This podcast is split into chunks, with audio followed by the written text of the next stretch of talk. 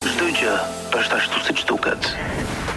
Mirëmbrëma të gjithë dëgjuesve të Çdo gjë është ashtu siç duket. Un jam Ana Shkreli, jemi rikthyer në uh, podcastin tim të preferuar. Nuk e di nëse është dhe juaji i preferuar apo jo. Uh, dua t'ju them që un jam, ju nuk më shihni, po Un jam në mesin e një studioje të jashtëzakonshme, është gati si një ujëvarë dritash që rrëshqet nga xhamat dhe Për ta thënë në mënyrë të sinqertë, domethënë është hera e parë e cila në të cilën e ndjej veten vërtet pjesë të këtij shpirti të Krishtlindjeve, që për sado që shumë mendje uh, cinike dhe shpesh patjetër dhe realiste janë munduar ta shohin tashmë si thjesht një ingranazh kapitalist që i shtyn njerëzit të blejnë dhe të konsumojnë dhe më shumë, kam idenë që në zemrat e të gjithëve ne çel diçka tjetër, domethënë në mënyrë gati gati të pandërgjegjshme na bën të mendojmë për vërtet çfarë është e rëndësishme dhe çka ka qenë e mirë dhe e ëmbël e vitit që lamë pas.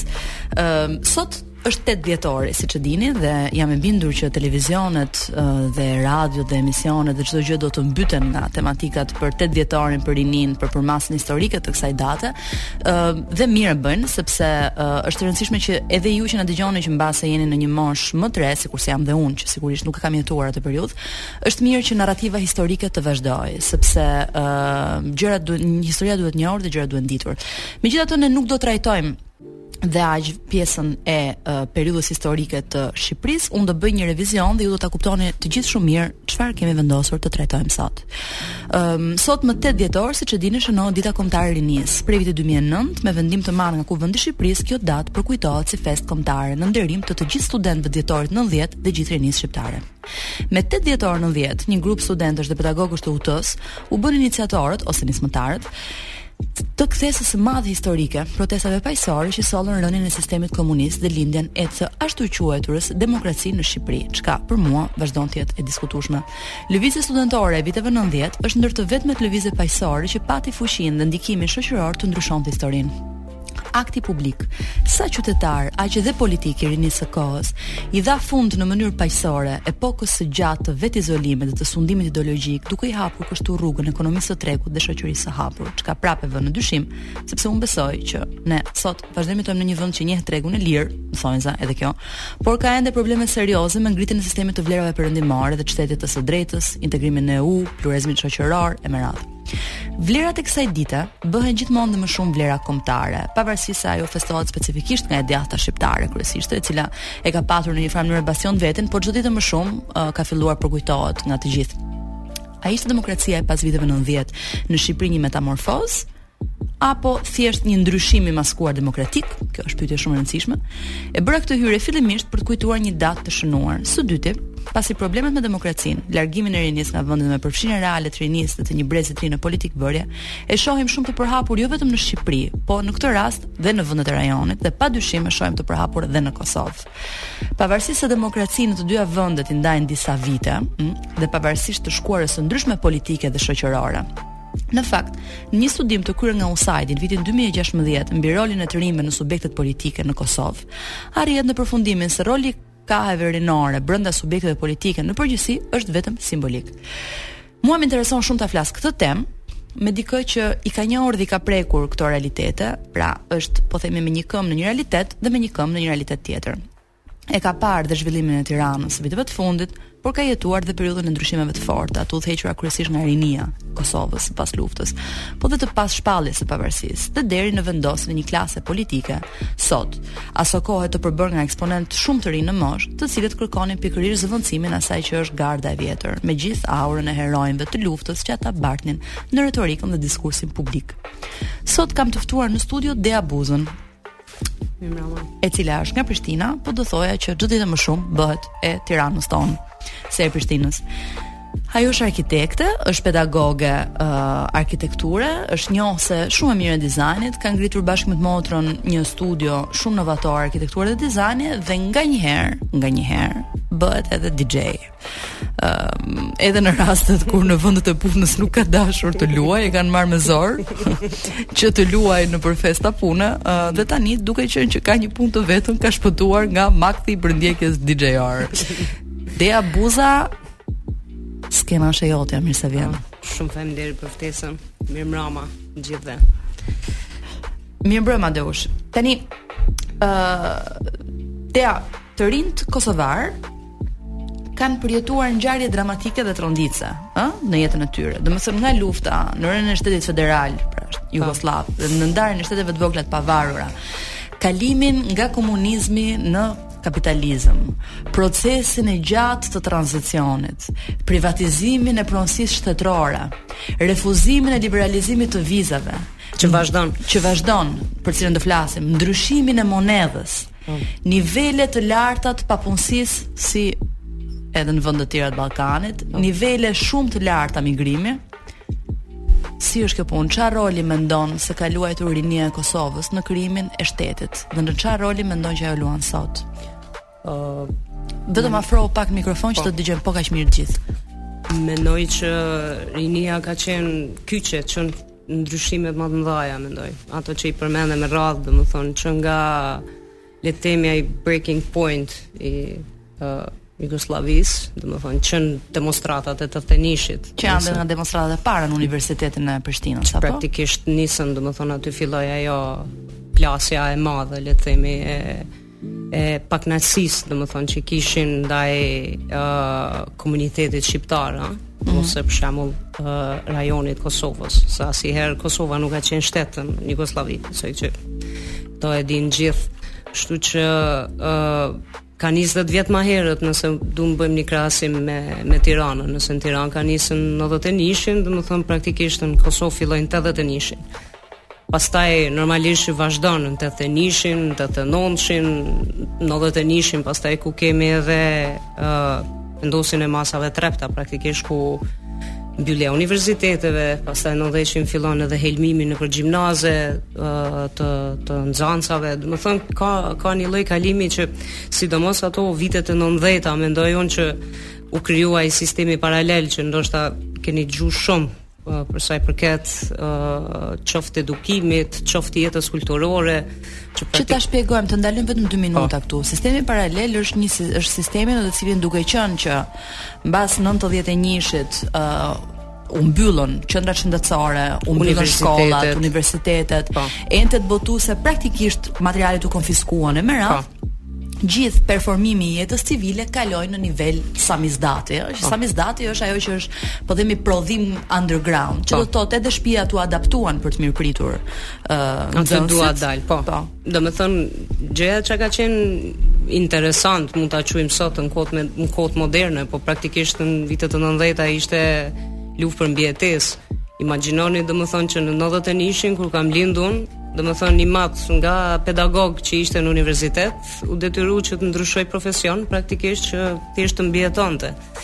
Dhe ditën bënin punë tjetër, ose bënin kurse, shkëputeshin nga puna X që mund të bënin në biznese private, domethonë se fillun me u kriju këto biznese private, Ndërkohë, domethënë, ditën shpit e pedagogëve u kthyn në universitete, në fakt, a?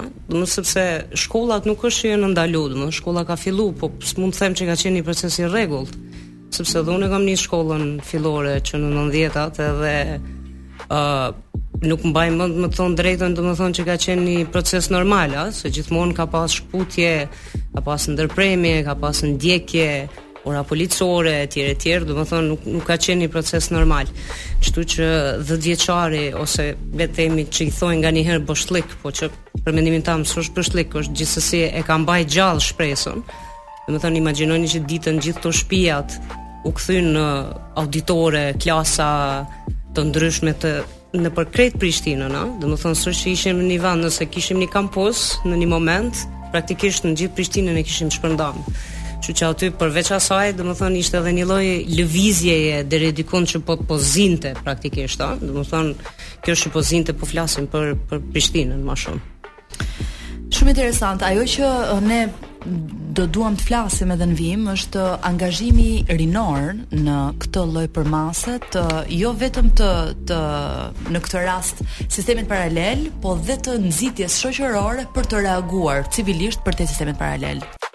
Dea Buza, ë uh, ishim duke folur pak për un morëm shkas nga dita e rinisë në Shqipëri, jo për të trajtuar dhe aq ngjarjet e post 90-s shqiptare, po. sepse ato kam idenë që do përmbysin uh, të gjithë, po themi, sistemin mediatik sot, uh, por për të trajtuar në këtë rast një rini tjetër shqiptare, po. rininë e Kosovës. Për të bërë një paralele, le të po. themi, se Po, ka ngjashmëri. Një revizion. Po. Dhe ishim tek sistemi paralel, po. ishim tek impakti që ka patur kjo grupmoshë, pra rinia po. në ë në Kosovën në periudhën e bllokimit, që ajo mbas 91-shit. ë rinia në vitet 90, domethënë praktikisht filloi edhe angazhimi politik, domethënë shumë ë pastaj e dimë që rezultati i gjithë kësaj ishte edhe lufta në 98-99. Po që ë uh, përveç kësaj, domethënë ka një gjë që filloi rinia në këto vite filloi mu largu nga Kosova. Domethënë kemi një numër nuk e di domethënë të saktë, po kemi një, një largim domethënë goxha të madh drejt shteteve si Gjermania dhe Zvicra, domethënë edhe praktikisht ishin goxha të ri që po bënin pse sepse ishte nevoja për të majt për të majt familjet, a.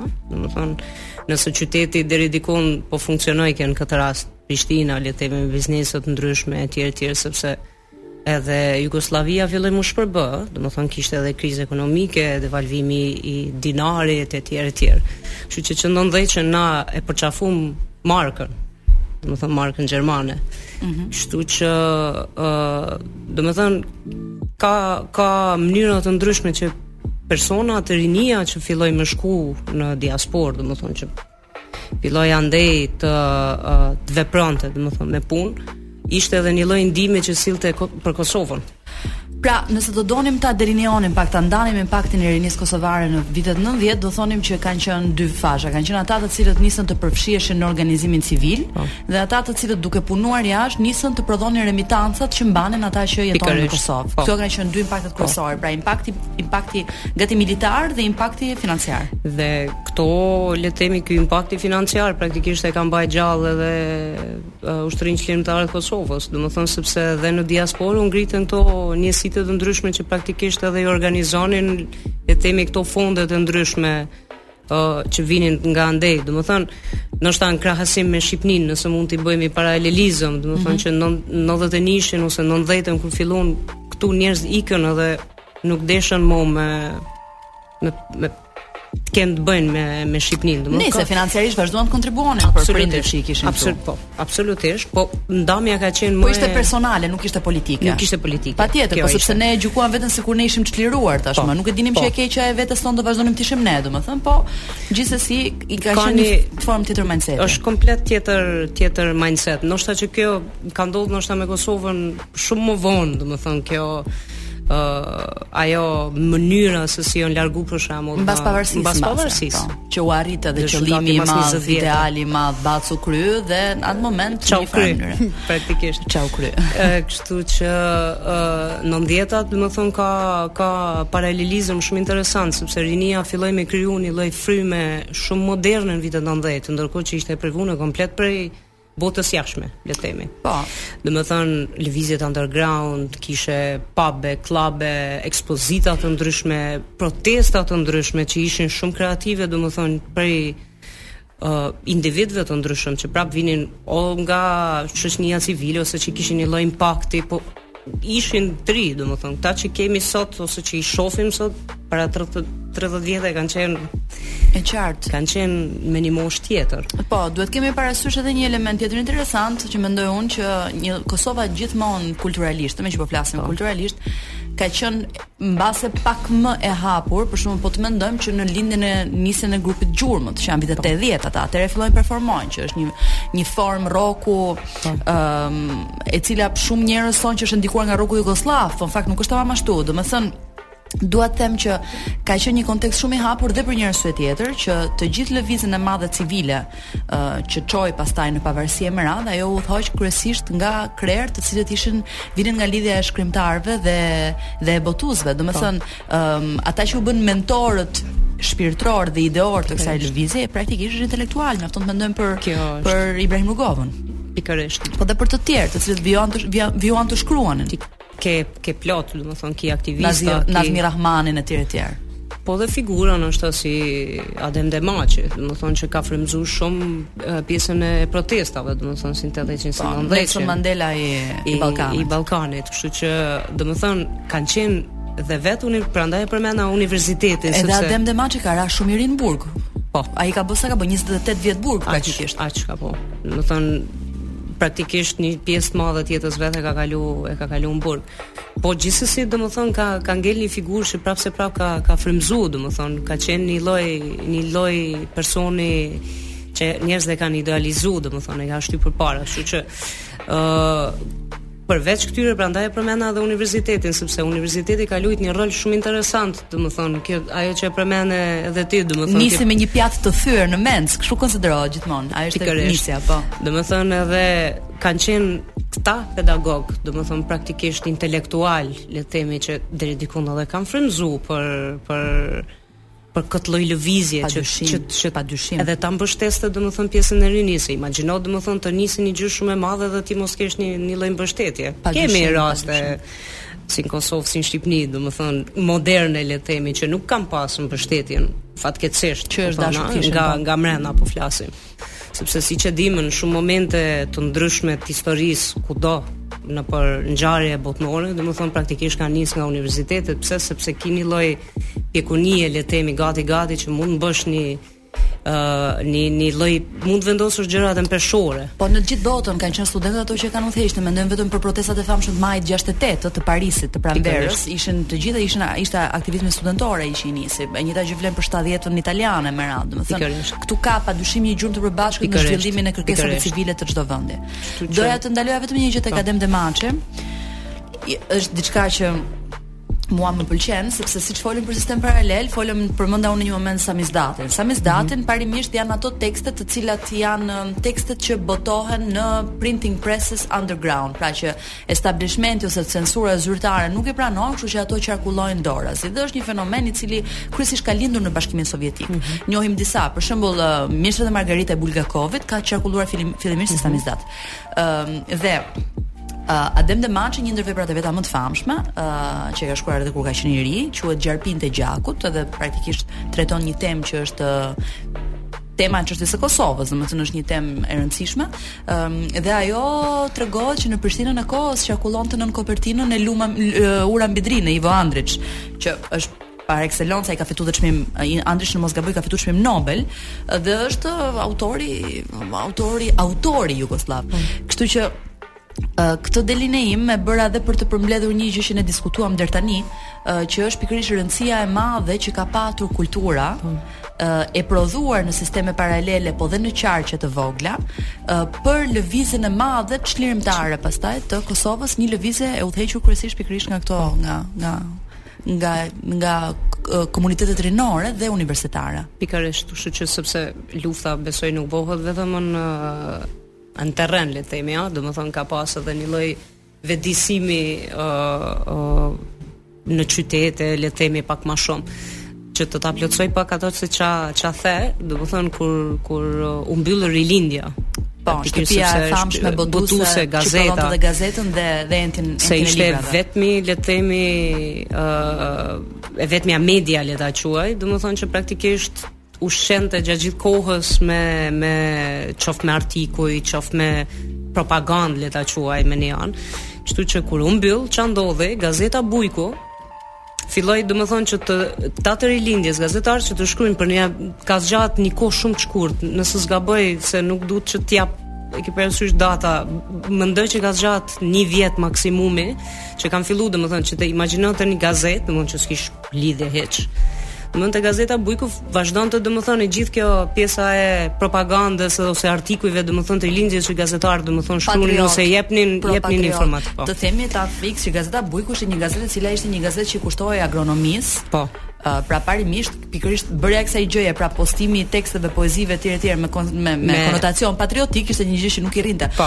Po, kjo është bërë, është bërë shpejt, me vetëm arsye pse censura shqiptare kurseu librin Fije bari të Walt Whitman ishte që mendoi që ishte libër agronomie. Dea, ëm um, Dea, të kalova direkt unë në Dea. S'ka uh, problem. Do të jo, do të thoja edhe një herë mirëmbrëma, do të thoja që ne vazhdojmë të jemi në studio dhe po vazhdojmë po trajtojmë përmasën e rinisë, por në këtë rast nuk jemi duke trajtuar rininë në Shqipëri, po atë të Kosovës, pse? Sepse duam të hulumtojmë pak edhe impaktin dhe angazhimin civil dhe politik që që rinia rinia është është boti i nevojshëm për shkaktuar këto ndryshime shoqërore. Prandaj në një farë mënyre ne edhe jemi të shqetësuar që që rinia e lë vendin sepse mendojmë që ok, kush do bëhet motorri kryesor që të luftojë praktikisht për kushte më të mira. Pikërisht.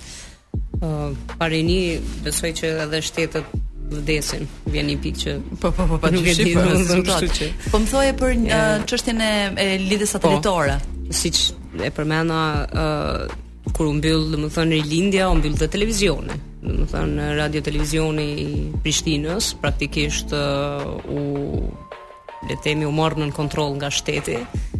Edhe Praktikisht qytetarët e Kosovës nuk kuptojshin se ça ish tu ndodhë në Kosovë. Kështu që filloi ajo periudha e satelitave, mujmë me i qujt.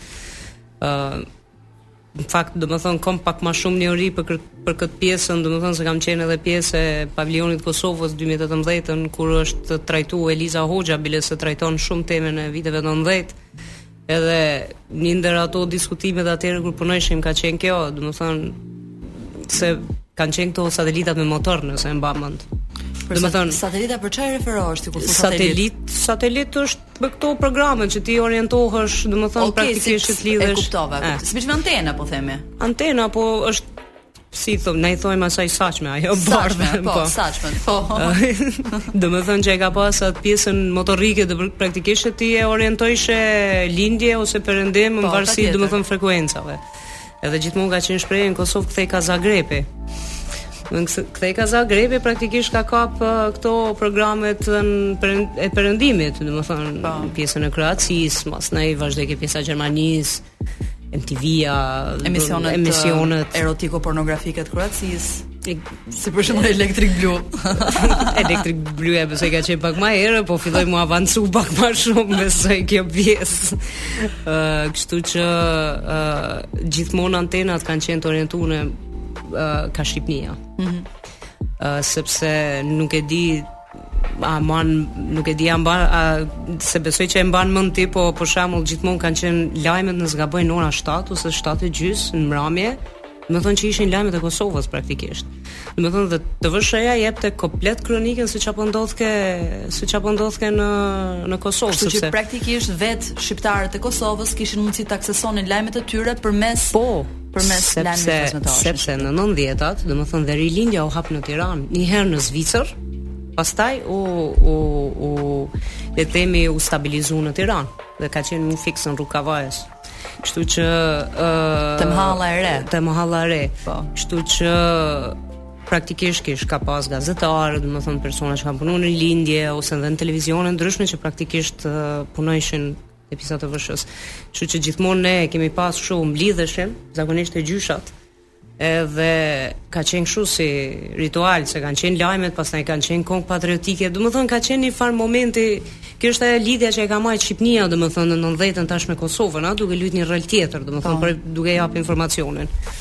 Kështu që edhe kjo thjesht erdhi kështu si si ë uh, kjo për për të bo pak ndërlidhjen e, e pjesës së saj.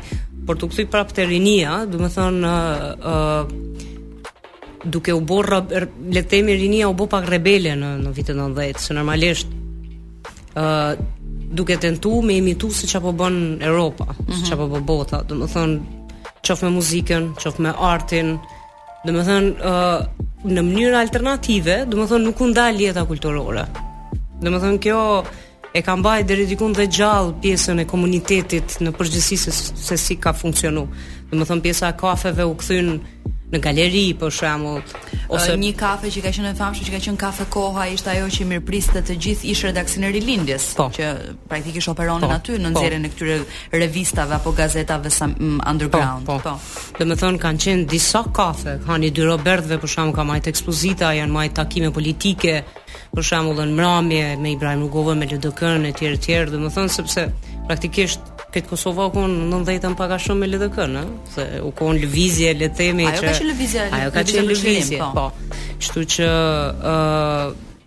Domethënë, disa vende specifike filluan domethënë morën funksione të ndryshme gjatë uh, periudave të ndryshme deri në pikën kulminante, domethënë sepse filluan dhe ndodhën ka pas, për shembull në s'gaboj te Hani i dy Robertëve është janë edhe janë sulmu praktikisht është është janë me dy persona aty etj etj gjatë më duket gjatë një ekspozite nëse s'jam gabim. Kështu që ë uh, Domethënë, kjo ka qenë ajo lëvizja se ça ka ndodhun në vitet e viteve 90-a, pastaj për t'u kthy në, në gjimnaze edhe në shkolla, ato që e thashë edhe ma herët, domethënë, shkollat u kthyn, le të themi ose nxansat u kthyn si një lloj ë uh, le të themi mjeti për me dal në protesta, sepse normalisht i nuk guxon fmijt me ndërhy le të themi me dhunë për shkak sepse normalisht ndër... patjetër dhe gjithsesi dhe gjitha ishte në një monitorim të organizatave ndërkombëtare unë hala i mbaj mend domethënë që e bëjshim marshime në kom domethënë që dilshim nga shkolla për shembull për dal në protesta domethënë po imagjino vinin Megjithëse gjithë qyteti, praktikisht gjithë pjesa e qendrës, një hapësirë publike, le të themi që ishte kryesore te universiteti, le ta quaj që ishte kampusi, praktikisht u kthy krejt kohën hapësira publike në Prishtinë u kthy në hapësirë protestimi. protestimi. Praktikisht nuk kishe hapësirë publike. Barazimi, barazimi pra. Po. i asaj që është hapësira publike në një po themi mjet shprehje politike. Pikërisht. Dea, sa i takon pjesës së rinisë, ti the në këtë sek në seksionin pararendës, the që në vitet 90, uh, po themi kontributi i rinisë u nda në dy drejtime. E para ishte pjesëmarrja në po themi përmasën e uh, luftës nacional çlirimtare, uh, pjesa tjetër ishte nacional çlirimtare. Pak a shumë, pak a shumë. Nuk ishte lufta që nuk ishte nuk ishte LANÇ-i se edhe unë po. me me parafabrikate gati në kokë, po, po luftën çlirimtare të Kosovës, po. Ëm uh, dhe përmasa tjetër ishin ata që ikën. Është një histori shumë interesante. Unë uh, m'u hasa një ditë me në këtë ekspozitën që u bë për Freedom, për lirinë që u bë uh, ku ishte Ademulla, ë uh, një fotograf tjetër uh, nga Kosova Idrizi, Jet po, Jetmir Idrizi, Jetmir Idrizi, uh, të cilët po më tregonin që kanë patur raste dëshmi njerëzish që kanë qenë duke pi, po themi në një pub të Anglisë apo në Zvicër apo në Berlin dhe praktikisht i janë fut rrugës për m'u kthy në Kosovë në një gjendje gati të alkoolizuar. Po. Pak a shumë i ka dalë pija kur kanë arritur në Kosovë, domethënë po. për me marr pjesë në këtë lloj. Ka, domethënë shumë histori në është në fakt, po, ka pas, që bëjnë histori të bukura po shumë interesante, në fakt, domethënë edhe ki, s'du t'i përmend edhe me emra, po i kemi dhe personazhe gati gati publike të disave, domethënë që kanë ndodhë, që e kanë bo ni gjë t'till, edhe, unë mendoj që është ai është një lloj entuziazmi, domethonë një lloj dashnie për vendin, domethonë që e kanë bajt sepse sado që kanë qenë Rinia ka qenë jashtë, gjithmonë e ka pas kokën mbrapa. Kërkush nuk e ka menduar që do rri ë uh, krejt jetën atje. Njisoj pak a shum siç na ka ndodhur neve që kemi ikë gjatë kohës 99-shit, domethënë kur kur plasi lufta domethënë, në Shqipëri po. Në Kosovë. Jo, jo, kur keni ardhur në Shqipëri them. Un kam qenë në Maqedoni në fakt. Ti ke qenë në Maqedoni. Po, një pjesë besoj e dini domethënë që gati një milion banor kalun në Kukës, domethonë, ka qenë imagjinoni, domethonë, në dy dit. Kështu që uh, është goxha interesant, domethonë, kjo pjesa e, e, e, e kësaj. Uh, sikurse folëm deri tani për uh, kontributin që ka dhënë rinia që iku nga Kosova, që ishte kryesisht kontribut financiar, uh, dim sigurisht histori dhe për rininë që ndenjë brenda kufijve dhe që një pjesë e cilës dha dhe jetën. Unë këtu dua ta sjell veçanërisht rastin e një rast që e kam shumë për zemër. ë uh, një vajzë gjimnazi me emrin Ylka Domi. E lindur me 18 gusht 1982 në Gjakovë, e vrarë në moshën 18 vjeçare, gjatë ofensivës së betejës së Çabratit. ë uh, e zhvilluar një betejë e zhvilluar mes forcave të UÇK-së dhe ushtrisë serbe me 7 maj 1999. uh, ajo u bë pjesë e UÇK-së pas kryerjes së një kursi për ndihmë të shpejtë ndaj të plagosurve dhe uh, Dea dua ta kujtoj me një varg të një poezie të saj që ajo ka shkruar 17 vjeç. Tashi mendo çfarë lloj ndërgjegje politike dhe civile në të njëjtën kohë duhet të ketë dikush që 17 vjeç të shkruajë uh, Një poezi të jashtëzakonshme, në të cilën thotë nëse nuk dua thotë një varr, nëse gjeni një shkop në kurrizin e qytetit, vimani në krye. Ëm uh, sa e rëndë uh, ka qenë Dea gjurma e kësaj lufte mbi rininë dhe mbi të gjitha mbi qindra të rinj të cilët ende sot vazhdojnë të jenë të pagjetur. Oh, unë mendoj që ajo gjurma vazhdon e pasojat e luftës te rinia mendoj që edhe sot janë edhe mendoj që do jenë ende më aktuale sepse në fillim menjëherë mas luftës është ai entuziazmi domethënë i çlirimit e tjerë tjerë uh, kështu që Gjeneratat ndoshta mosha ime ose ma t'mdhenj se unë domethënë që kanë lind në tetëdhetat që e kanë le të themi e kanë përjetu hala ma shumë duke qenë pjesë e gjimnazeve ose duke qenë pjesë forca aktive po forca aktive domethënë duke qenë edhe pjesë e universitetit normalisht atë zhgënimin e kanë ndjerë në Kosovë shumë më shumë se sa për shembull një gjeneratë si im vlla që ka lindur në 99-ën. Kështu që ë uh, mendoj që gjithsesi, domethënë është uh, është një moment që prap kemi harru do sende, sepse është shumë shpejt. Diskutimi, ky është një diskutim shumë interesant që mm, hapet tani, pavarësisht se devion pak nga linja që folëm, sepse ti fole që një vëlla që ka lindur në 99-ën, i vëlla, domethënë yt yt vëlla si brez edhe po, po themi si brez i luftës si brez. Po, domethënë brezi që nuk e ka përjetuar në mënyrë aktive, ka tendencën që shpesh gjërat t'i ha, t'i harrojë dhe kjo ne prandaj mbajmë dhe emisione të tilla, që shpesh kanë një përmasë po themi retrospektive, sepse duam që dhe në një brez të ri, i cili parimisht është ai që dëgjon podcastet etj etj, gjërat të rifreskohen. Tani mbase gjithë këtë bisedë, po t'ja bësh një njeriu që është një shqiptari që është 85, ai të thotë, "Çfarë na thatë, na thatë ndonjë gjë të re." Po. Fakti është që këto janë tema të cilat duhen bërë gjithmonë. Njësoj si trajtohet dhe holokausti, që trajtohet nga çdo brez, nga bre, një brez i ri kineastësh ka, një brez i ri shkrimtarësh ka, sepse historia nuk duhet harruar. Njësoj vlen edhe për këtë gjë. Ku e kam vënë re unë? mungesën e kujtesës dhe ndërgjegjësimit publik ndaj historisë. Siç the ti këto që më përmende tani, unë dua të them që kur ne organizuam një ekspozitë që ë uh, të paçliruarat, ë uh, bëmë parimisht për ngritjen e kësaj ekspozitës bëmë një sondazh paraprak në disa gjimnaze të Tiranës. Po. Dhe një pjesë e nxënësve me të cilët unë fola dhe kjo është diçka që unë e them me përgjegjësi të plotë, sepse i kam ende të shënuara emra të dhëna e tjerë e tjerë. Mendonin që ok, komunizmi të, ok, ka pas pa dyshim probleme, ë uh, megjithatë ka qenë një shtet i fortë, ne kemi pasur ushtri, ka qenë diçka që mund të, të që ishte organizuar, më kupton? Dhe në një farë mënyre Mbase edhe me promovimin kulturor që është bërë disa aspekteve të veta, fakti që është bërë tema kryesore që çon për bienale etj etj. Nëpërmjet një rehabilitimi që mund dhe të mos jetë i qëllimshëm nga njëra anë, ëm dhe dhe kërkesës për një lloj paqtimi, që është diçka që e shohim edhe me Kosovën sot, domethënë në emër të paqtimit duket sikur gati gati është duke u fshirë um, historia dhe ngjarja që ka ndodhur vërtet. Dhe kjo është diçka për cilën unë vras mendjen që realisht sa shkon dhe ndikon tek ndërgjegjësimi i njerëzve të cilët nuk e kanë jetuar periudhën.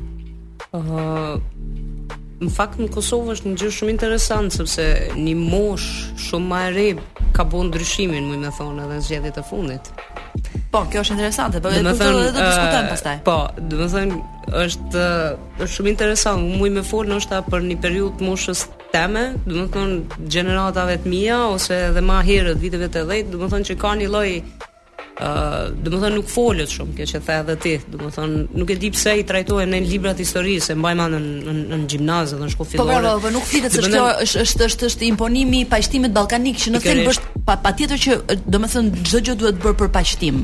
Dakord. Po, po jo përmes jo me harru. Po. Jo, jo, jo me harru, po. domethënë kjo është ajo, edhe ka një lloj ë tendencë, domethënë, me harru, nuk është ideja që ti me u rikthy gjithë kohës edhe mu bo nacionalist, për shembull, ha? Po. Domethënë, me u shty në ekstremin tjetër, le të themi, nuk, ka, nuk lidhen, të jo, dyja, s'kanë lidhje me njëra-tjetrën, tjetrën. Po sepse kështu sot po interpretohet, domethënë. Po, po, sepse pozicionet janë radikalizuar shumë, dhe kam idenë që kjo është shumë e shëmtuar, dhe unë mendoj që radikalizohen në mënyrë të qëllimshme, që mos t'i lënë njerëzit në mes, më kupton? Kjo është, domethënë, një gjenerat një gjeneratë e re, për shembull nuk e Pra ose bëhemi më katolik se papa, po, ose kalojmë në hipernacionalizëm, po. Kështu që po, dy ekstreme. No, po. Kështu që uh, është e vërtetë, domethënë që një një një pjesë shumë e madhe në Kosovë nuk e din se çka ka ndodhur në vitin 90, ëh. Domethënë në sistemin paralel për shembull si ka funksionu, qoftë nga termat ekonomikë, qoftë nga terma financiarë, remitancave, të luftës, domethënë sepse lufta faktikisht kulmin e vet 98, 99, po në fakt lufta ka nisur në 91-shin. Po patjetër, brenda për brenda ka lidhje me 91-shin, pastaj... Që në 91-shin, domethënë, ti ke, ke lëvizje me Shqipninë, pastaj lidhje, domethënë, e gjitha është një, këto sene duhet m'u kallëzu, edhe sa ma shumë që kallëzohen, aq ma mirë është. Po. Domethënë kjo është ajo se çka Po, megjithatë rinia në zgjedhjet se ka votuar një forcë e cila është një forcë për vetëvendosje, praktikisht është një forcë e fortë e po. cila është për atë që ndryshe quhet nacionalizmi çlirimtar, se kjo është një bisedë që unë kam pas dhe me disa eksponentë të Vetëvendosjes. Domethënë që janë një forcë e majtë, uh mhm. -huh. por janë gjithsesi po, një forcë që bazohet te konceptet e tash ndoshta më me kalu pak mas mas luftës. Po po mundesh me kalu. Si... Unë do të të ideja është që um, ka un kam një temë shumë interesante që dua të mm. merrem mm. çik me gratë. Po, gjatë luftës po kam idenë që ne nuk do kemi kohë ta bëjmë atë sepse mund ta bëjmë shumë shpejt vetëm një okay. Temën e grave temën e grave nuk dua ta trajtoj tani sepse temën e grave do ta trajtoj mirë. Kështu që nuk ka problem, mund të më flasësh okay. për gjithë atë rini që okay. bëri në fakt okay. ndryshimin në në në okay. votimet uh, kësaj radhe. Okej. Okay. që në fakt ishte edhe një rini e diasporës, sepse duhet ta themi që disbalanca, po themi kjo fitore politike është edhe sepse diaspora pati mundësi të votonte. Është ajo diaspora që folëm më herët. Ajo diaspora rinore që iku atë. Domethënë, okay. kjo është ajo sepse ok, Kosova ka ka pas shumë diasporë më të hershme se Shqipnia, domethënë ka një valë në vitet 60. Pastaj ka edhe në 70 dhe në 80-ën, domethënë sepse ka uh, ndjekje politike, domethënë persona pa. Po. që as kërkuan azil politik etj etj dhe e dini shumë mirë, do të thonë ka raste shumë historike praktikisht që i kanë ndjekë, janë vra domethënë nga sistemi në Evropë. Kështu që dhe në 90-at normalisht kemi një masë tjetër dhe në 99-ën Po çka është ma interesant është, domethënë, ose shumë herë diskutohet pse ka pshtu Kosova praktikisht, që nuk është bo si Bosnia. Ë uh, është që njerëzit janë kthy në Kosovë. Mm. Në 99-shin. Që është ajo që thamë që njerëzit janë kthy edhe prej Amerikës. Po po një pjesë rini s'u kthye po. Jo jo, jo një pjesë, një pjesë shumë e madhe, domethënë shumë pak shumë pak ngelen atje, domethënë praktikisht po flasim menjëherë 99-shin. Domethënë, pra bënë atë që kanë bë, bënë atë që kanë bë ukrainasit sot pak a shumë. Që një po, pjesë e madhe po, ukrainasve po, janë kthyer po, në tokën po, e vet, pavarësisht atyre që kanë një pjesë kanë ardhur. Po, po. Një paralele shumë të mirë besoj e ka Ukraina me, me rastin e Kosovës. Edhe kjo ka të bëjë, domethënë sa shumë e do vendin tond praktikisht.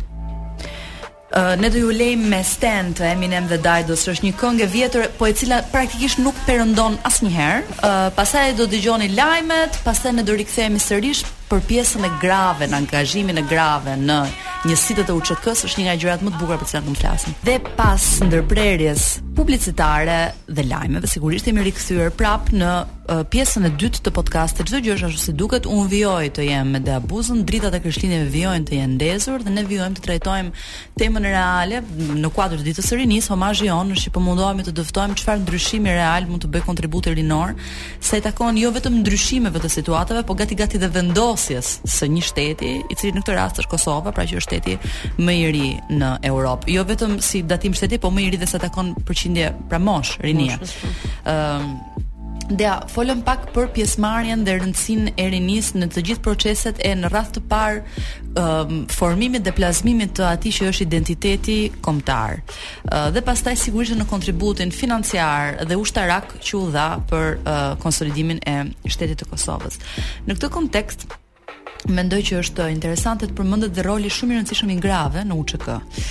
Një rol i cili shpesh ka prirjen të fshihet pasi narrativa ka tendencën të um, asgjësohet, po themi nga koncepti i portretizimit atyre që janë baballarë të kombit. Gjithmonë flitet është kjo është ajo për cilën ne kemi trajtuar kaq shpesh dhe që e kemi bërë të vdekur, që është pikërisht koncepti çfarë është struktura patriarkale, që në fillim kur thua baba i kombit. Ëm um, këta baballarët e kombit, të cilët i nxjerrin përherë më shumë janë ata që nxjerrin përherë më shumë jashtë kësaj narrative kontributin real të grave. Ëm um, ne përmendëm rastin e Yllka Domit, ëm um, e cila kishte bërë këtë uh, një kurs për ndihmën e shpejtë Megjithatë, kanë qenë disa gra, të cilat i janë bashkuar uh, fronteve të luftës si ushtare, disa si mjeke dhe infermiere, disa si përgjegjëse për përgatitjen e ushqimit, ndërsa disa të tjera udhëhiqnin të plagosurit apo familjarët e tyre larg territorit të Kosovës, pra merreshin me atë që është çështja e koordinimit në terren. Ëm një pjesë e këtyre grave kanë qenë dhe mjaft të reja në moshë. Po. Ë nga hulumtime që kanë bërë njerëz së fundmi, për shembull është një vajzë Drivalda Dervishi quhet, që unë e, e respektoj jashtë mase punën që ajo bën, ajo po hulumton pikërisht pjesëmarrjen e grave në UÇK, më ka treguar se shpesh ishin kaq të reja sa që në organizimin bazë, po themi si celula vajzat martoheshin pikërisht për t'u bashkuar kësaj përpjekje, sepse duhet të ishin njerëz të besuar, dhe si njerëz të besuar, ë në radhë të parë një lidhnin martesë për të sanksionuar këtë lloj besimi dhe në radhë të dytë ishte më e thjeshtë dhe të qarkullonin në pjesë të ndryshme të Kosovës duke u parë si një si familje, pra jo si të rinj që janë ë të angazhuar politikisht dhe që bredhin vendin fund e krye.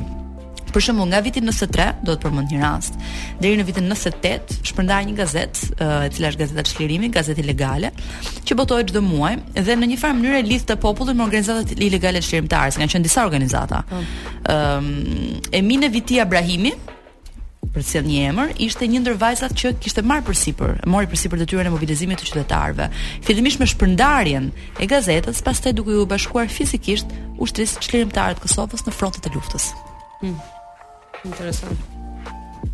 Ëh, uh, normal që ka pas ka pas figura të të grave në që kanë qenë edhe në njësitë guerile nëse s'gaboj, mm -hmm. domethënë tash unë specifikisht me emra nuk nuk i di domethënë si ë uh, si raste, po që ajo që the ti domethënë që shumicën e kohës kanë qenë më shumë me logjistikë, pjesa e infermerisë, doktoreshat, domethënë në, në qoftë në front, domethënë që kanë qenë në, në vijën e parë, qoftë pastaj edhe të lidhura, domethënë me pika specifike, domethënë me, me pjesë tjera të qytetit, por roli i grave në fakt nuk, nuk ka qenë gjithmonë angazhimi ai formal me, me UÇK-në. Edhe Edhe ato gra që i kanë pas ndoshta qoftë burrat, ndoshta në luftë ose një familjar ose diçka, kanë qenë janë organizu, domethënë. Po flas brenda celulave, qoftë nëpër qytete ose nëpër fshatra. Që besoj që ka qenë goxha një rol i rëndësishëm grat në në kohën e luftës, me një moment që për shembull ti ndoshta ke pas katune që ndoshta s'ka pas burra hiç, ke pas veç gra dhe Fëmijë dhe pleq. Që shpesh këto gra kanë udhëheq protestat. Po, në rastin për shembull në në 98-ën është ajo protesta me bukë, për po, shembull. Po, protesta e bukës. Protesta e bukës është shumë interesante, domethënë, ë uh, ka disa raste, ajo protesta e bukës është pastaj edhe një protestë tjetër në Zgabësh më e hershme ku Praktikisht merreshin, i merreshin djemtë dhe ktheshin arkivole. Domethënë, kjo është po flasim shumë më herët, a, domethënë herët në vitet 90-ta. Kështu që kjo është, domethënë si mendoj që indirekt gratë kanë qenë në rol kyç të të të, të gjithë kësaj gjëje. Edhe është ajo që the edhe ti, se gjithmonë përmenden baballarët e kombit. Po në fakt ndoshta ka ardhë momenti që duhen pak mu përmenë edhe figura të ndryshme, domethënë edhe mu njoftë pak ma formalisht pjesa e angazhimit domethënë të figura femnore që kanë ndodhë edhe të grave. Këtë kjo është ajo, domethënë se ka pas dhe shumë të reja, dhe nën moshë, domethënë po flasim poshtë si rasti i Ylkës, po, domethënë që është gjimnaziste ka pas. Është gjimnaziste, domethënë ti ke pas edhe gjimnaziste, domethënë që janë angazhuar, domethënë që janë një moshë relativisht shumë të re.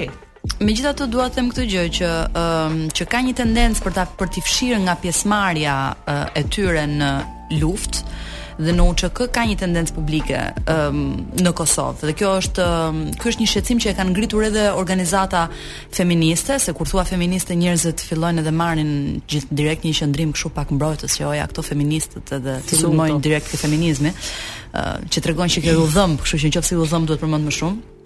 Sipas organizatës Human Rights Watch, numri i pjesëtarëve të UÇK-së ka qenë rreth diku te 25000 vetë. Pavarësisht se sot pension në Kosovë dihet marrin më shumë njerëz dhe kjo është edhe më mirë më smihi ose pika e debatit. Jo, nuk dua të hyj aty, po okay.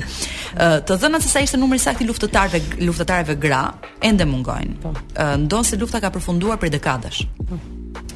Dea, fshirja e kësaj historie fshin dhe dëshmitë uh, e tyre. Uh, dhe kjo në një farë mënyre ndikon për ta ruajtur patriarkatin, sepse është shumë e vështirë t'i edukosh vajzave të reja, t'i thuash që shiko sa të guximshme kanë qenë vajzat e reja të Kosovës këtu e dekada më përpara, në momentin që ti i ke fshirë këto këto rrëfime.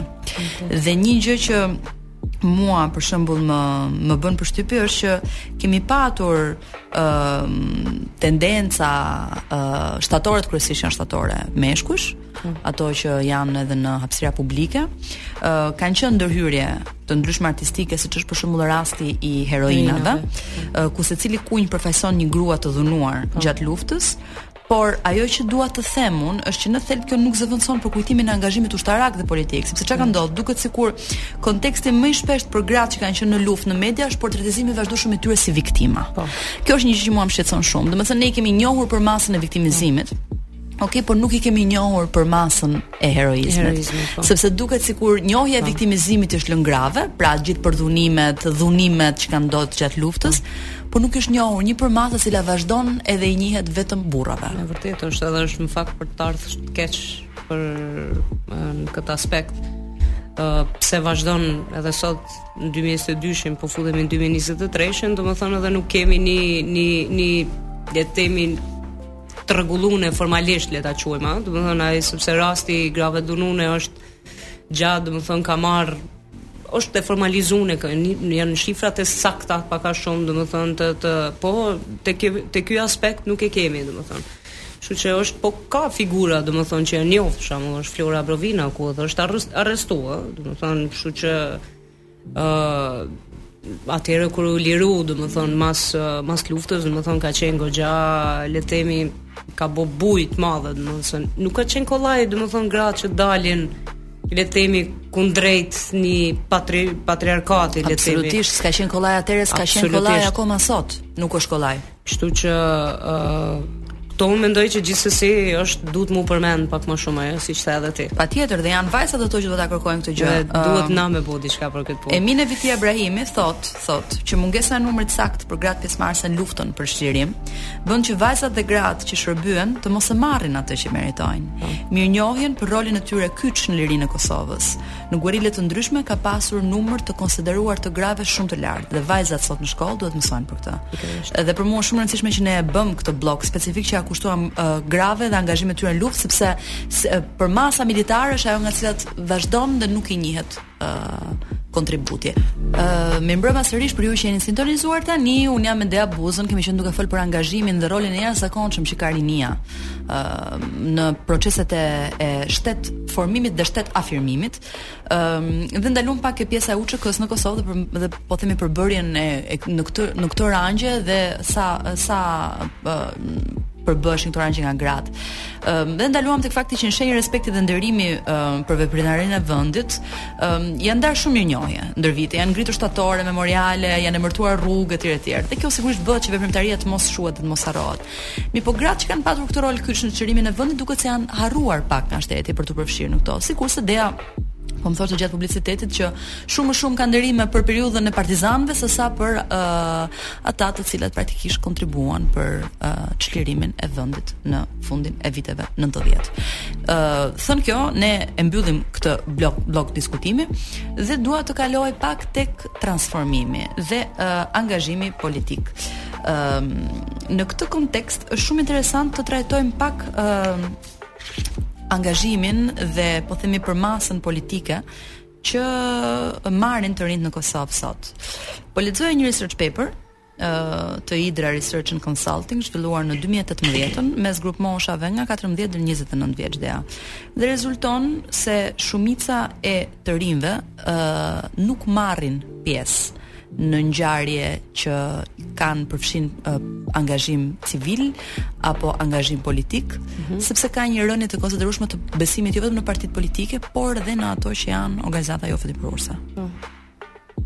Ëm um, dhe është shumë interesant të shohim si zhvillohet kjo trajektore. Pra nga Kosova, nga një vend i cili në vetvete u afirmua në arenë ndërkombëtare pikërisht sepse u bë e gjithë komuniteti, sidomos rinor, u bë i zëshëm politikisht doli në shesh, Jemi sot në pikën që mbas kësaj pavarësie kemi një rënie të angazhimit civil gjithmonë mas entuziazmit ka ka një lloj ramje kur fillon edhe nuk nuk merr ato që ke prit, do të thotë, është domethënë janë ato pika që ti zhgënjehesh, domethënë ai entuziazmi i mas luftës ka vazhdu për një kohë dhe unë mendoj që ende ka një, një dëshirë të madhe. Ferment, po. Po, domethënë ka le ta quajmë atdhedashuri ma shumë për për për vendin, domethënë për me kontribu. Domethënë vazhdon ë uh, jo sa çka qen.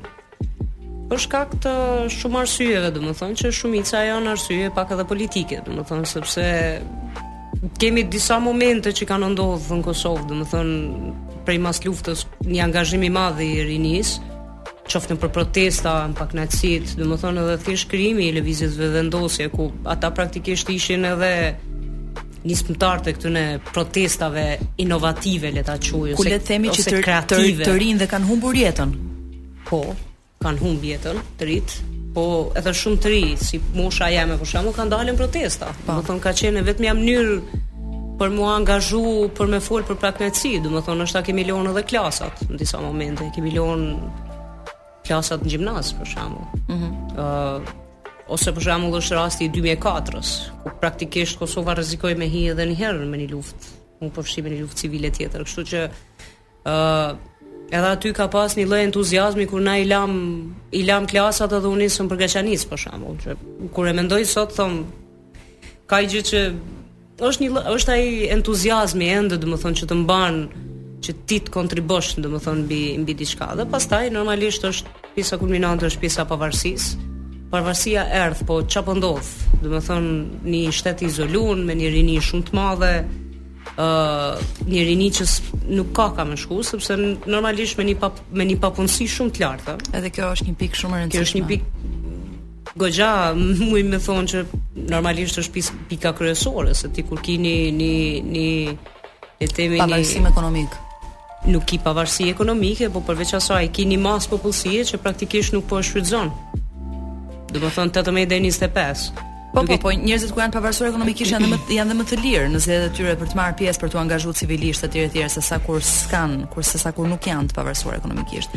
Ë uh, kjo është pak thikë me dy presa. Është thikë me dy presa sepse ende ende qëndron ai mentaliteti domethënë patriarkal i familjeve, domethënë ë uh, ku bashkëjetojmë në familje të mëdha, domethënë ku hala më të madhit të shtëpisë i dorëzohen, i dorëzohet rroga ose një gjë e tillë, domethënë është një lloj nuk mund ta quajmë që mund të jetë edhe një lloj pavarësie, pavarësie. Jo, po s'ka pra, s'ka. Këtë jo. dua të them. Shiko, unë dua të ndaloj 2 minuta në një pikë tjetër të këtij raporti që mua më duket interesant. Unë e lexova të gjithën për të parë cilat janë pikat që parimisht mund të na hyjnë në punë.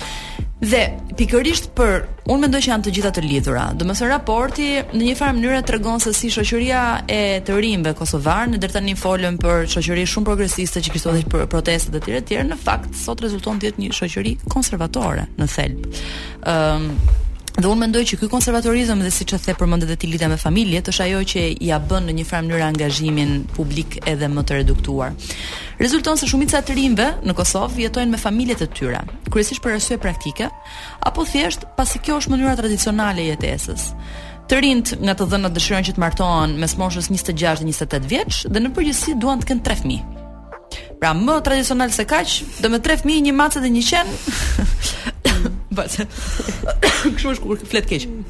Ë, ka një pjesë e mban gjithmonë konstante popullsinë, ëh, domethënë po të po, kështu që ëm ehm, um, praktikisht ka një pjesëmarrje të ulët, siç thamë, në aktivitete vullnetare dhe një nivel të lartë të homofobisë që tregon një shkallë të ulët të diversitetit. Po. Ëm um, tani A mendon se konservatorizmi i rinisë kosovare lidhet me varësinë e tyre ekonomike nga prindërit? Dimë se për shkak të pagave të ulëta të rinjtë jetojnë për një kohë shumë të gjatë me të shtëpisë dhe sigurisht kjo ndikon në mospavarësimin e tyre dhe vështrimin, po themi po, mospavarësimin e vështrimit të tyre mbi botën. Si mendon ti Dea? Është janë disa faktorë. Një është ky që ky që e përmende. Uh, faktori numër 2 është edhe izolimi, eh? domethënë uh, izolimi i Kosovës, domethënë vetëm në vendet e rajonit, le ta quaj, jo që ka ndonjë gjë, po praktikisht ti kur s'ki liri për të shku te kusherët që i ki n'diasporë për shembull, ëh. Domethënë qoftë në Zvicër, në Gjermani apo ku di unë. Po, kjo është edhe një nga pikat kryesore të ardhjes së Bienales së Manifestës në Kosovë, pikërisht diskutimi i çështjeve të Po, një një një vend të burgosur pikërisht në Europë. Në Europë. Domethonë duke sjell praktikisht krejt ë uh, pjesën e e kulturës. ë uh, ka shumë të bëjë, domethonë janë disa faktorë që ty të, të merren ca gjëra, domethonë privohesh që ajo, edhe kur nuk ki pavarësi ekonomike, normalisht të bëhet veten edhe ajo, sepse Kosova e vogël është në fund t'ditës.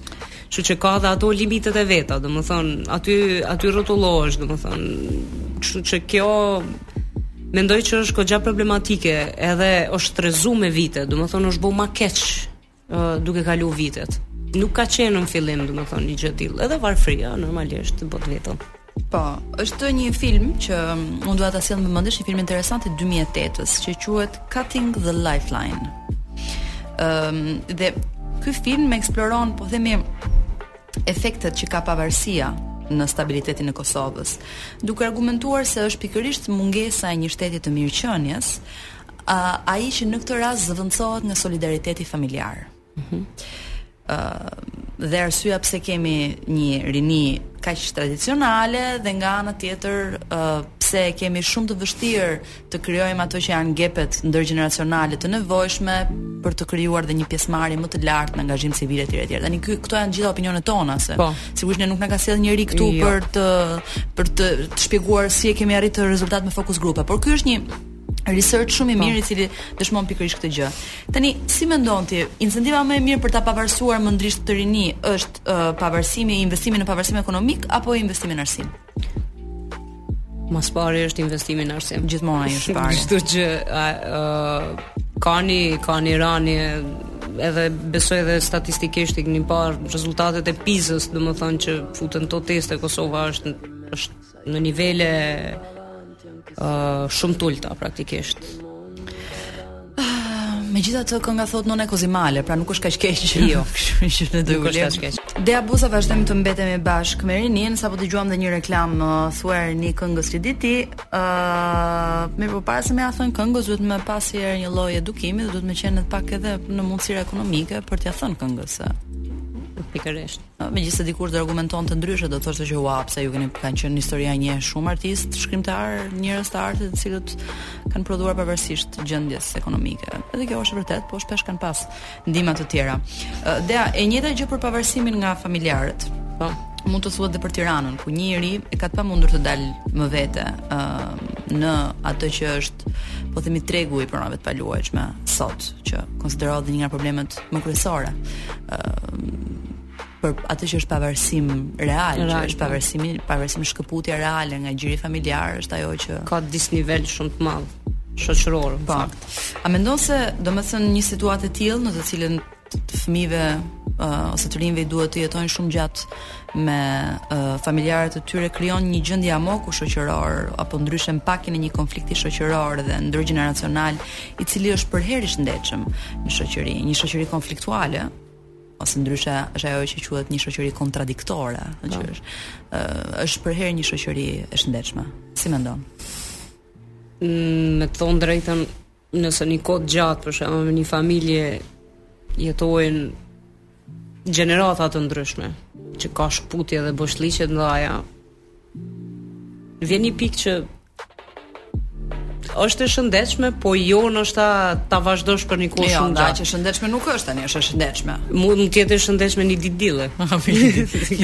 Që shko me ngrën drek. Po. Okej. Okay. Po që imagjino domethënë të kalosh një nipi me gjyshin me gjithë respektin, domethënë që t'i dojmë gjyshet edhe edhe gjyshat tonë, po ë uh, të flasësh për shembull në tavolinë në përditshmëri, Domethënë ka një lloj po, disbalance po, shumë të madhe dhe ndikimi. Po ndikimi pra nga ana tjetër këtë doja të thoja që nuk është vetëm çështje se sa është pikërisht krijimi i hierarkisë brenda një po, strukture po. familjare, të cilën ti pastaj e merr dhe e aplikon në mënyrë të pavetëdijshme në strukturën shoqërore të asaj që është jeta publike. Dhe nuk ki një lloj lirie sepse në një familje të madhe, le ta quajmë, domethënë ku ki disa breza, do të ketë një do të ketë një njeri aty që udhëheq pra ka shumë.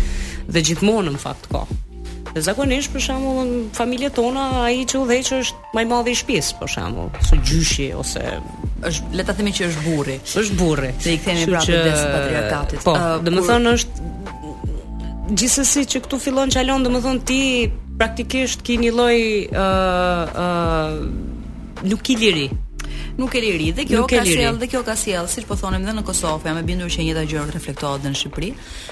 Kjo ka sjellur rritjen e një rinie që në thelb është një rini më tradicionaliste, që po. un absolutisht nuk jam duke e gjykuar si diçka negative, jo. sepse kush jam unë që jap gjykimet. Po. Kjo është thjesht uh, përfaqësimi apo pasqyrimi i situatës.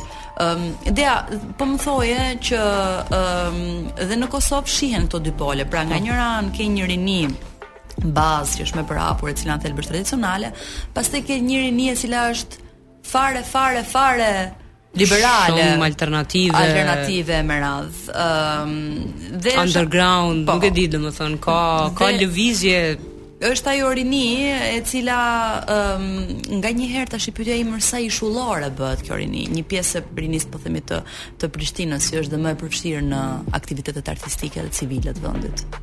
Unë mendoj që ka qenë ishullore. Mhm. Mm edhe vazhdon të jetë ishullore. Thjesht unë mendoj që ky ishulli u rrit Pak më shumë okay, rrit, vitet e po. fundit. Edhe pas luftës besoj që është rrit sepse Edhe sepse ka qenë i financuar edhe nga organizma ndërkombëtar. Po, të cilët e kanë parë në një farë mënyre një lloj Janë shumë faktorë. Domethënë është faktori familje, është faktori ndërkombëtar, domethënë është, është faktori emigracion. Emigracionit, domethënë janë edhe ku kanë emigru. Rikthimi. Domethënë, ka shumë të bëjë edhe vendi ku kanë emigru, dhe mënyra si kanë emigru. Domethënë, uh, sepse shumë lidhet kjo ky ky aspekt, domethënë si si si si gjë. Edhe ajo që që the ti, domethënë edhe që janë kthy. Po që gjithmonë po e marr rastin e Prishtinës, se normalisht ky qytet është edhe përthith shumë më shumë. Domethënë është Prishtina gjithsesi ngelet ai vendi më metropolitan që shumë qytete nganjëherë edhe shohin edhe me këta konservatorët le ta themi, mm -hmm. domethënë qyteteve tjera ose rretheve të ndryshme, e shohim pak edhe si me si një gjë shthurje shoqërore. Po. Janë të lidhur me një shthurje shoqërore dhe një një diçka, domethënë gati gati të paaksesueshme, paqasshme.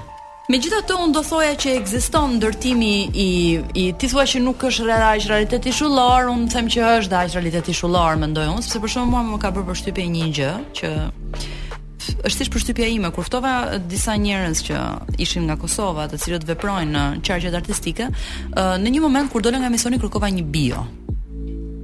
Dhe të gjithë ulën ta përkthenin bion në shqip sepse e kishin vetëm në anglisht. Dhe aty unë kuptova që këta janë njerëz të cilët praktikisht nuk kanë pas ndonjë marrëdhënie pune ndonjëherë në Kosovë me ente apo institucione publike. apo organizata që janë vendore dhe publike. publike. Domethënë i gjithë projektimi i po. tyre i punësimit, i mendimit, gjërat që konsumojnë, kultura etj etj është e reflektuar në atë që është komuniteti ndërkombëtar në Kosovë. Një gjë të cilën unë e has shpesh dhe në atë edhe në këtë në disa qarqe të Tiranës, të cilat në një farë mënyre janë ishullore, sepse mendoj që pavarësisht i duam shumë apo nuk i duam, biem shumë dakord apo nuk biem dakord, në vetvete nuk përfaqësojnë mbase atë që është atë që është rinia e vërtetë e vendit. Nuk e di, kjo është një pyetje shumë e madhe imja. Është pyetje ndoshta që do një emision tjetër me u përgjigj. Ëh, do një emision tjetër dhe po. kam idenë që për ata që na dëgjojnë kur të kapin rrugë do fillojnë të ankohen gjithë dhe janë shumë pak kënaqur. Ëh, uh, unë mendoj që gjithsesi, domethënë ky ishulli Prap ngelet dhe ka për të qenë motori i ndryshimeve dhe inspirimit. Po. Sepse gjithmonë ky grupim do marrë merr guximin le të themi për të bërë gjëra më ndryshe në krahasim me pjesën tjetër, kështu që gjithsesi indirekt dhe pjesa nëse do po se po e kemi nda, domethënë ne ti kemi bo kështu si një lloj dilli tash. Kjo është rinia konservatore praktikisht ndikohet në nënvetëdije, do ndikohet, nuk ka ku të shkojë. nga ky ishulli. Dea ti ke ardhur në Tiranë për universitet.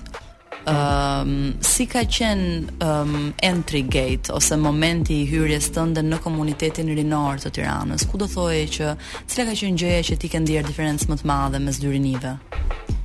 Uh, Tirana ka ndryshuar shumë. Domethënë un po mbon rreth 13 vite që jetoj në Tiranë. Po pra, thash në fillim që tashmë jam më e Tiranës se e Prishtinës, kemi marrë. Ëh, jam Prishtinali e Tiranës. Okay. Dhe ta quajmë më mirë ashtu. Ëm Ka pas paragjykime, nuk ka qenë atë shumë e thyme ajo ideja e uh, kuptimit, domethënë, të shqiptarëve të Kosovës në Shqipëri. Që kem ka bo përshtypje, domethonë, pa mhm. çka që uh, digital bie, muj me thonë, i ka bo një lloj thymje kulturore të dy venave, domethonë, Kosovë, Shqipni, edhe pjesa tjetër, Maqedoni ku ka Shqiptar. Një lloj bashkimi, thua ti? Po, po. domethonë, qoftë dhe të gjuhës, sepse që në fillim, ku kishte për shembull disa, disa persona që thoshin, po unë s'po të kuptoj ty, Unë i thosha të njëjtën gjuhë jam tu fol me ty për shembull. Po. Po nga ana tjetër këtë për shembull kjo është pjesë shumë interesante këtë e ka thyer dhe shumë uh, muzika hip hop kosovare që po. ka ardhur në Shqipëri, po. që të gjithë njerëzit slengu i motrës time që është rini është 18 vjeç, po. është i gjithë i slengu i, ko, i Kosovës praktikisht. Është bo trend. Është bo trend. Tash është bo trend. Edhe atëherë ka qenë, ka qenë sepse ka pas uh, lëvizje të muzikës elektronike dhe underground që kanë shku Kosovë, Shqipni, të hip hopit. Domethonë prapë po flasim nëse u qasshe me një ishull dhe këtu, nuk kishe kështu problem, por më në masë po flasim. Domethonë masa prapë qëndronte pak ma konservatore. Po Kan... kulturalisht, kulturalisht, si ka qenë kalimi?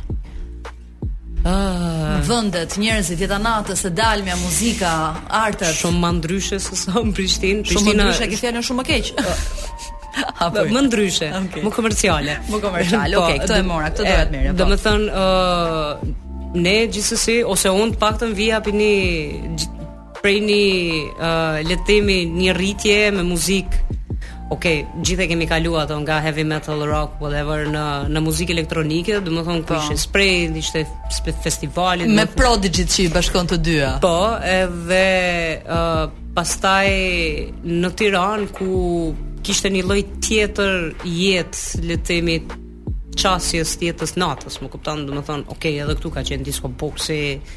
Domethonë, mirë, ato u bën shumë vonë, edhe patën një patën një jetë goxha të shkurtër, domethonë. Unë po mos përmendim emra se duket sikur bëjmë reklamë, jo, pavarësisht se ai nuk ekziston më po, sot për fat keq. Po, nuk ekziston dhe prandaj e përmenda se s'ekziston më. Po që du të them, uh, teni te disa vende te një kulturë tjetër, domethënë që filloi Piknisja e muzikës tallava. Eh, që gjithmonë këtu dalim edhe janë 10 emisione. Me gjithë respektin dalim dhe muzika tallava. Me gjithë respektin, që... me gjithë respektin ti. Jemi rikthyer në seksionin e fundit të çdo gjë është ashtu si duket. Kemi pasur temë shumë të bukur, po uh, të lodhshme shpirtërisht edhe mendërisht. Uh, unë kam programuar që në minutat e fundit uh, të këtij blloku të fundit të diskutimit të lexoj një poezi, uh, por përpara se uh, të lexoj atë poezi, ne ti do ta dish që ne shpesh besoj ti e ke ndjek podcastin, ne shpesh e mbyllim me fragmente letrare apo me poezi sepse kemi shumë merak t'i themi njerëzve që leximi është i pazëvendësueshëm me asgjë tjetër. Dea, ë uh, është një diskurs që është përherë e më në rritje ë uh, në Kosovë, me ç'kam ndjekur unë edhe nga njerëz që njoh, nga rinia që njoh, ë uh, ne e dimë shumë mirë që një nga tezat kryesore të Vetëvendosjes përpara ardhjes në pushtet ka qenë pikërisht ai i bashkimit me Shqipërinë. Kjo ka qenë një nga retorikat kryesore. ë uh, Pyetja ime është ti vetë, A ndien një rritje ë uh, për shkëputje të rinisë kosovare, pra për shkëputje nga identiteti shqiptar, që siç e thamë ka qenë kërkesë dhe retorikë e kahershme e Kosovës në favor të identitetit kosovar? ë uh, Pra tani nuk flitet më, po. rinia nuk do më të flasë për një ose një pjesë e rinisë, nuk do më të flasë për një identitet shqiptar, sesa për një identitet kosovar, duke qenë që shumë gjëra kanë kaluar, është një histori e ndryshme etj etj, tashmë në këtë pikë si e shikon ti këtë pjesë? Tashi që tani që nuk ka më as nevojë për kaq shumë antagonizëm sepse Shqipëri, sepse Kosova për fat mirë është e pavarur dhe nuk është më pjesë e një shteti federativ që gjithsesi e shtypte dhe mundohej të asimilonte. Në momentin që nuk punojmë uh, ose edhe ndoshta jo vetëm institucionet, se institucionet është shumë lart në në hierarki, po edhe kulturalisht. Kultural po pra po janë të ndikun nga faktorë të ndryshëm. Më kupton? Po du të them që po të ishte për shembull goca jeme, çika, po të rritet në Prishtinë, normalisht do ketë lidhje shumë ma shumë me flamurin e Kosovës se me flamurin shqiptar. Po. Po un për shembull nuk muj mi mi Mi mi nxjerr parën. Pa çka, domethënë që ë uh, ku ka ma mirë sesa të kesh dy përfaqësime. Të kesh dy zëra në anën tjetër. Po që po ka një lloj tendence, ka një lloj lëvizje, mu me thanë, të një kombi kosovar. Për mendimin tem kjo është pak e ekzagjerun si diskurs, sepse kalon përtej çdo lloj niveli uh, po, qoftë po, intelektual po, dhe nuk nuk ka logjik. Kosovar është pak është është Po, pak... sepse e lidhin pak edhe me futbollin e me kështu nuk nuk ka kombëtare, nuk është kombi kosovar. Ça është? Ça jo, është kombi shqiptar, eh, shteti është. Ça është? Ça është kombi kosovar? Domethënë kjo është ajo pyetja që lind menjëherë. Kështu që ka një lloj ekzagjerimi më shumë nga disa celula të njerëzve të ndryshëm, domethënë ë uh, ë uh, nëpër nëpër qytet, le të themi ose nëpër media, në hapësirë, në hapësirë, në hapësirën publike, kështu që kjo indirekt ndikon pak te njerëz. Po në anën tjetër mendoj unë që ë uh, gjithsesi, domethënë me arsimim dhe me lexim, kjo gjë po u punu pak më shumë nuk ndodh. Sepse historia është histori në fund të ditës. Po që dhe komuniteti është komunitet në fund të ditës dhe do shumë kohë që të krijohet. Komunitetet nuk pa. Po. Eh, nuk shpërbëhen dhe krijohen në harkun e 50 viteve. Pikërisht, kështu që gjithsesi është shumë komunitetet kombëtare. Po. po. Është shumë e freskët për për të ndodhur një gjë e tillë. Domethënë kjo është ajo që prapse prap më më më nuk nuk më shqetëson, domethënë. Edhe besoj që edhe vetë do të thuash që ka do të thuash që ka impakt të ulët. Ka impakt të ulët dhe po. un un mendoj që gjithsesi domethënë edhe Vetëvendosja duke qenë në pushtet ka një lloj po të shohësh ka një lloj afrimiteti me me qoftë me me shtyrjen e, e marrëveshjeve të ndryshme që ka me Shqipninë, ëh. Keq e mirë, abetarja për shembull është e krejtë. Abetarja e përbashkët, po, që u bë ndërmjet dy shteteve. Kështu që këto janë disa nisma, nis, unë mendoj që bashkimi kombëtar nuk ndodh me heqjen e kufijve. Po dhe koncepti i kombit nuk ndodh me me thjesht me me krijimin e shtetit ligjor. Ti ne, ne kemi thënë shumë herë se kemi thënë te Shqipëria ç'është ç'ka qenë dhe ç'do të bëhet. Pikërisht. Uh, ideja e kombit është nëpërmjet um, kulturës, Kultur. gjuhës, edukimit etj etj. Domethënë nuk janë gjëra që që mendoj që gjuha është e para që duhet punuar shumë, arsimi është e dyta, domethënë që mund të bëhet binjakëzim të universiteteve, njerëz që mund të lëvizin etj etj. Kjo është domethënë ajo që i shkrin le të themi indirekt kufijtë sepse ndodh një lloj përzierje. Shumë e vërtetë. Ë uh, meqë jemi tek uh, universitetet, uh, tek profesorët, tek pedagogët, unë dua të lexoj një poezi e cila është shkruar në 2020-ën, më pëlqen shumë, është një poezi që i kushtohet Prishtinës, po përfshin brenda saj edhe gjithë atë përmasën e aktivizmit politik dhe shoqëror, për të cilën kemi folur deri tani. Është një autore që quhet Eli Krasniqi, Eli është antropologe, ligjëruese në Universitetin e Gracit dhe shkruan kryesisht poezi dhe tregime të shkurtra. Poezia titullohet Sa herë kthehem, sepse siç e di Eli kalon, e kalon jetën pendolare, po themi nga po. Graci në Prishtinë. Po bjen borë në Prishtinë. Të gjithë janë gëzu. Mu m'u lagën shputat. Se çizmet e vjetra kanë ec shumë këto vjet. Tu kërku pranverat e fshehuna. Qyteti është ba i bardhë, nuk më njeh ma. Në rrugë shoh të rinj tjerë, sikur na. Mendojnë që revolucioni bahet, Neve na u desht me i përbi revolucionet, me i marrë n'grykë s'pari, me na i ndje vorbullat e gjakut. Revoltat e heshtuna, dashnitë e burgosuna. Ka do ditë që ndihem që jam plakë, e do ditë tjera çohem si fmi. Mgjese të çuditshme, kur në sy shoh vija, Vazhdoj hala me gjurmu t'kalumen, nëpër arkiva, nëpër rrëfime njerëzish. Ty nuk t'gjej jashtë vetes. Brenda meje të kam shterr. Paloj rrobat në kofera, prenotoj dhoma hotelesh, udhëtime nëpër qytete, tu i ndjek pasardhësit e skllevërve të zinj, më dhëmb çdo pjesë e trupit për ta. Ma cfilit shpirtin malli i tyne Ndërkohë mirësia e të bardhëve më vret Pastaj kthehem Nuk më duron ky qytet M'ban grumbull gjaku Më degdis jashtë kufijve Në pritje Unë nxitoj me u kthy përsëri Sa herë vij Bjen borë Shpirt Është shumë është shumë e shumë e bukur edhe është Besoj që shumë shumë persona do e gjejnë. Edhe unë e gjej veten. Edhe unë atë mendoj. Mendoj që që në këtë kumtin e asaj që është ideali dhe në të njëjtën kohë ë gjurma që le pas dëshira për të ndryshuar gjëra, të cilat sigurisht nuk ndryshojnë asnjëherë plotësisht. ë marrëdhënia me një qytet që e ke lënë dhe që rikthehesh dhe në gjithë atë peizazhin e një Prishtine të jashtëzakonshme të zbardhur nga bora që ne të gjithë kemi parë dhe është një gjë thuajse magjike.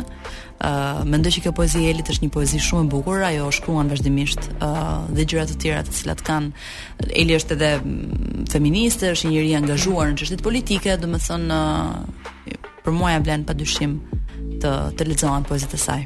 Absolutisht. Ë uh, Dea, unë uh, dua të them këtë gjë që dua të të falenderoj shumë që sot ishe me ne.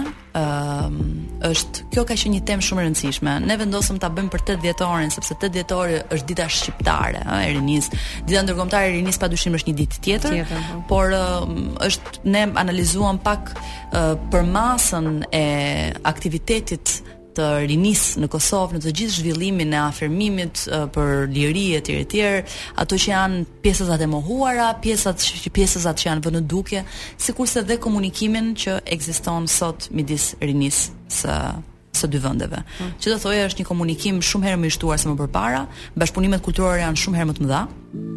Ka një shkrirje. Ka një shkrirje, ëm um, punojmë të gjithë me njëri tjetrin, muzika qarkullon gjithmonë më shumë, filmat e prodhuar në Kosovë shihen përherë më shumë në Tiranë.